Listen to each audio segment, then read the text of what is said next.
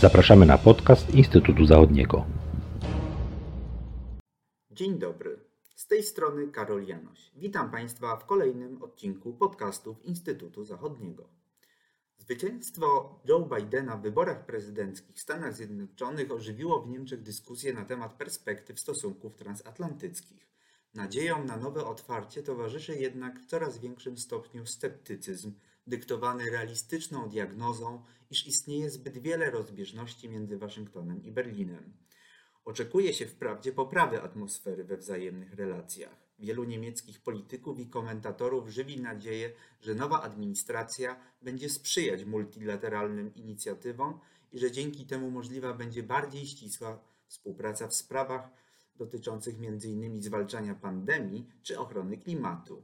Z drugiej strony jednak pojawiają się głosy wskazujące na potrzebę przejęcia przez Europę większej odpowiedzialności za stosunki transatlantyckie, w tym m.in. w kwestiach związanych z bezpieczeństwem międzynarodowym. O tym, jakie są konkretne wyobrażenia i oczekiwania Berlina dotyczące współpracy z nowym prezydentem Stanów Zjednoczonych oraz o tym, jaka będzie rola Niemiec kształtowaniu relacji transatlantyckich, porozmawiamy dzisiaj z profesorem Krzysztofem Malinowskim, zastępcą dyrektora Instytutu Zachodniego.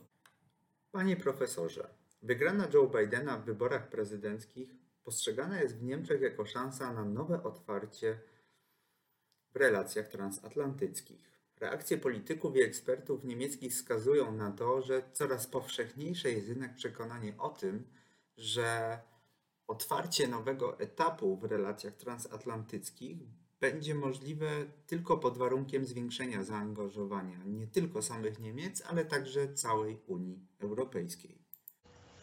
Mm, dzień dobry Państwu.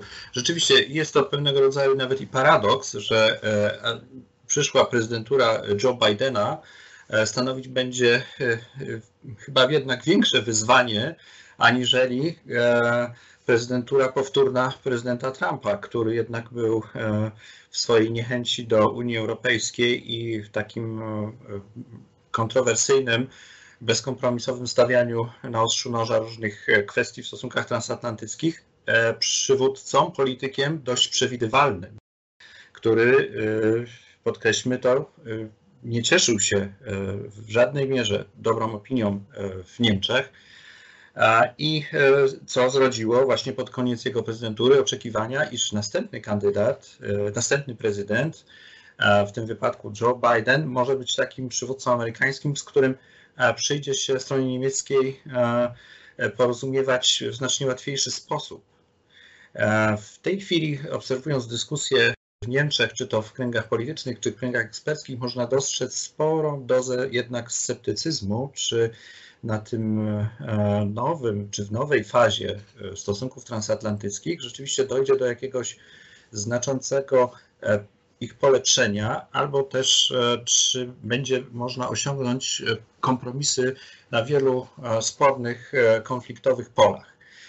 Zwraca się uwagę, że stanowisko tej przyszłej administracji demokratycznego prezydenta w dużej mierze będzie zasadzało się jednak na pewnym konsensusie ogólnopolitycznym, konsensusie między właśnie demokratami a republikanami, jeżeli idzie o podstawowe, e, podstawowe kierunki zaangażowania międzynarodowego Stanów Zjednoczonych. idzie tutaj nie tylko o politykę wobec Chin, e, wobec Rosji także, i e, nawet i same relacje z Europą, mm, wydaje się, że mm, to jest taki czynnik, który e, w tych kalkulacjach czy w, w niemieckich dyskusjach coraz bardziej, coraz bardziej jest widoczny. Właśnie ta powściągliwość, ta, mm, ta ostrożność czy ten sceptycyzm towarzyszący dyskusjom na temat perspektyw nowego otwarcia w stosunkach transatlantyckich? Ze strony rządu federalnego pojawiły się już pierwsze propozycje właśnie tego nowego otwarcia w relacjach y, transatlantyckich. Mam tu na myśli między innymi wystąpienie y, wtorkowe minister obrony Annegret Kramp-Karrenbauer, mm, a także wspólny artykuł ministra spraw zagranicznych Heiko Massa ze swoim francuskim odpowiednikiem właśnie na ten temat, jak te relacje mm, transatlantyckie powinny wyglądać. Jak pan ocenia te inicjatywy? Trzeba je rozpatrywać jak na tle troszeczkę szerszej dyskusji, która toczyła się już zresztą wcześniej w Niemczech na temat stosunków transatlantyckich i w której stopniowo się, przebijał się taki argument, iż w ewentualnym nowym rozdaniu właśnie w relacjach z Waszyngtonem e, Niemcy, a szerzej państwa Unii Europejskiej czy sama Unia Europejska powinny okazać jakby większe zaangażowanie, czy ponosić większy wkład e, na rzecz właśnie utrzymania, podtrzymania, rozwijania tych stosunków. I ten element właśnie zwiększonej odpowiedzialności czy zwiększego zaangażowania Europy również się pojawia w niemieckich dyskusjach.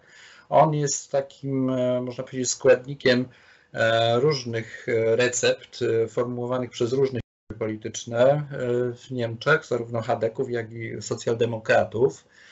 Mm, I jednak e, przy tym występuje pewne, e, pewne odmienne, mm, odmienne akcenty. Tutaj wspomniał Pan o wystąpieniu minister obrony, która w pierwszym, pierwszej kolejności widzi możliwości poprawy czy potrzebę poprawy stosunków transatlantyckich e, w wymiarze bezpieczeństwa, a więc przede wszystkim na forum e, Sojuszu Północnoatlantyckiego. E, I dotyczy to przede wszystkim zwiększania wydatków na obronność. Kwestia ta była przedtem dosyć, jest nadal takim znaczącym punktem zapalnym, jeśli idzie o stosunki amerykańsko-niemieckie. Y, strona amerykańska zarzucała Niemcom niedostateczne finansowanie wydatków obronnych. E, to jest jedna, jakby, jeden typ propozycji e, formułowanych w Niemczech co do naprawy stosunków transatlantyckich. E, inny i chyba jednak dominujący element w tej dyskusji to mm, próba zwiększenia roli Europy, o czym już mówiłem wcześniej, ale poprzez E, Europy pojmowanej poprzez pryzmat pewnej autonomii strategicznej. E, ta figura retoryczna e, albo i wizja jest lansowana w szczególności przez stronę francuską i prezydenta Macrona, który zresztą na propozycję Annegret Kramp-Karrenbauer zareagował bardzo krytycznie, uważając, że właśnie tworzenie takiej autonomii strategicznej przez Europę będzie służyło e, w pierwszej kolejności wzmocnieniu czy wyartykułowaniu suwerenności naszego kontynentu, suwerenności Unii Europejskiej i niekoniecznie musi się przyczyniać do y, poprawiania stosunków transatlantyckich za wszelką cenę, lecz e, ma się przyczynić do bardziej równorzędnego traktowania Europy przez e, stronę amerykańską.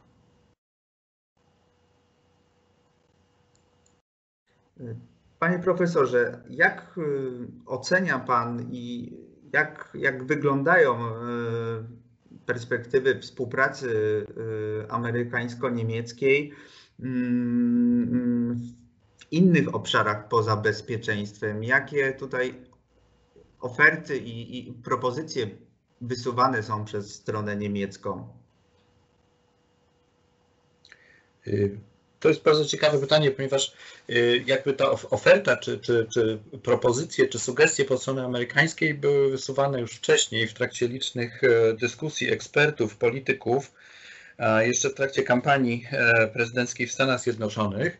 I wydaje mi się, że tutaj e, co do tego po stronie niemieckiej jest i istnieje pewnego rodzaju zgoda nawet co do tego, że ta nowa agenda stosunków transatlantyckich powinna w dużej mierze obejmować takie kwestie przyszłościowe związane właśnie z ochroną klimatu, współdziałaniem czy koordynacją na rzecz zwalczania e, pandemii przyszłych, e, do pewnego stopnia kooperacją działań w Światowej Organizacji Handlu, e, że ta oferta powinna dotyczyć również jakichś wspólnych inicjatyw w zakresie energii, prawda?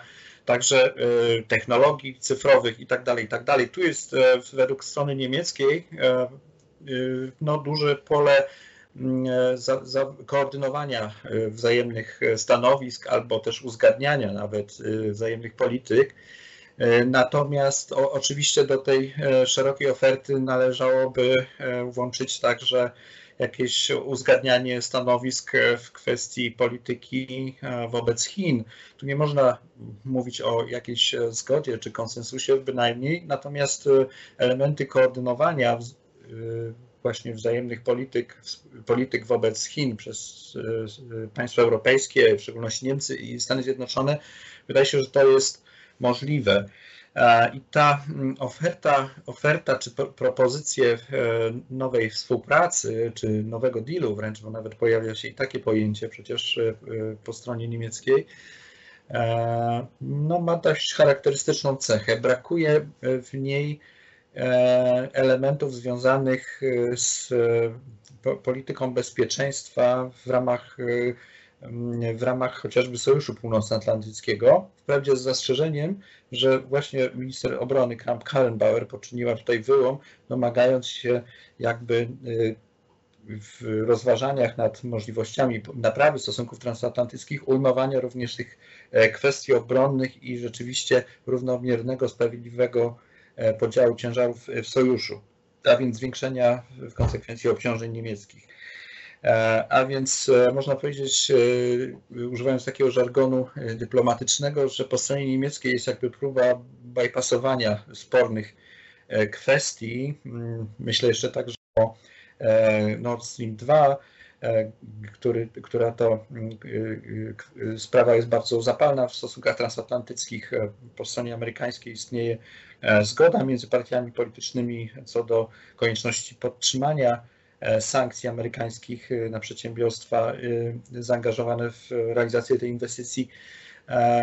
Krótko mówiąc, po stronie, po stronie niemieckiej jest taka mm, próba omijania tych najbardziej zapalnych kwestii i rozwijania jakiejś pozytywnej agendy stosunków transatlantyckich. Przynajmniej w sferze takich propozycji, sugestii, a nawet i wizji. W przyszłym roku odbędą się wybory do Bundestagu. Czy Pana zdaniem kwestia relacji transatlantyckich będzie jednym z głównych tematów kampanii wyborczej? Y, rzeczywiście y, tematyka y, stosunków transatlantyckich czy jej naprawy może odgrywać ważną rolę w kampanii wyborczej do Bundestagu. Świadczyć może o tym chociażby intensywność tych dyskusji, które obecnie toczą się właśnie w oczekiwaniu na objęcie prezydentury przez Joe Bidena. I mm, wydaje mi się, że to jest całkiem prawdopodobne. Y, w historii Republiki Federalnej Niemiec było tylko kilka momentów, kiedy tematyka spraw e, międzynarodowych e, grała taką znaczącą rolę w kampaniach wyborczych do Bundestagu. Było to w latach 60. przy okazji formułowania przez socjaldemokrację polityki wschodniej, a później w latach 80. także mm, było odniesienie do stosunków transatlantyckich, kiedy to taką kontrowersyjną kwestią było e, pomysł, e, idea stacjonowania amerykańskich broni średniego zasięgu na terytorium Republiki Federalnej Niemiec, co wywołało spore protesty po stronie, mm, po lewej stronie sceny politycznej, ale też było takim, mm, ponieważ dotyczyło to y, jakby mm, y, obecności Niemiec, Republiki Federalnej Niemiec w Sojuszu Północnoatlantyckim, było to takim ważnym wówczas testem na e, taką lojalność sojuszniczą e, e, rządów Hadecji, więc bardzo prawdopodobne, że również w przyszłym roku ta tematyka odegra rolę w kampanii wyborczej. Panie profesorze, bardzo dziękuję za rozmowę. Państwu dziękuję za uwagę i zapraszam do słuchania kolejnych odcinków serii podcasty Instytutu Zachodniego. Do usłyszenia.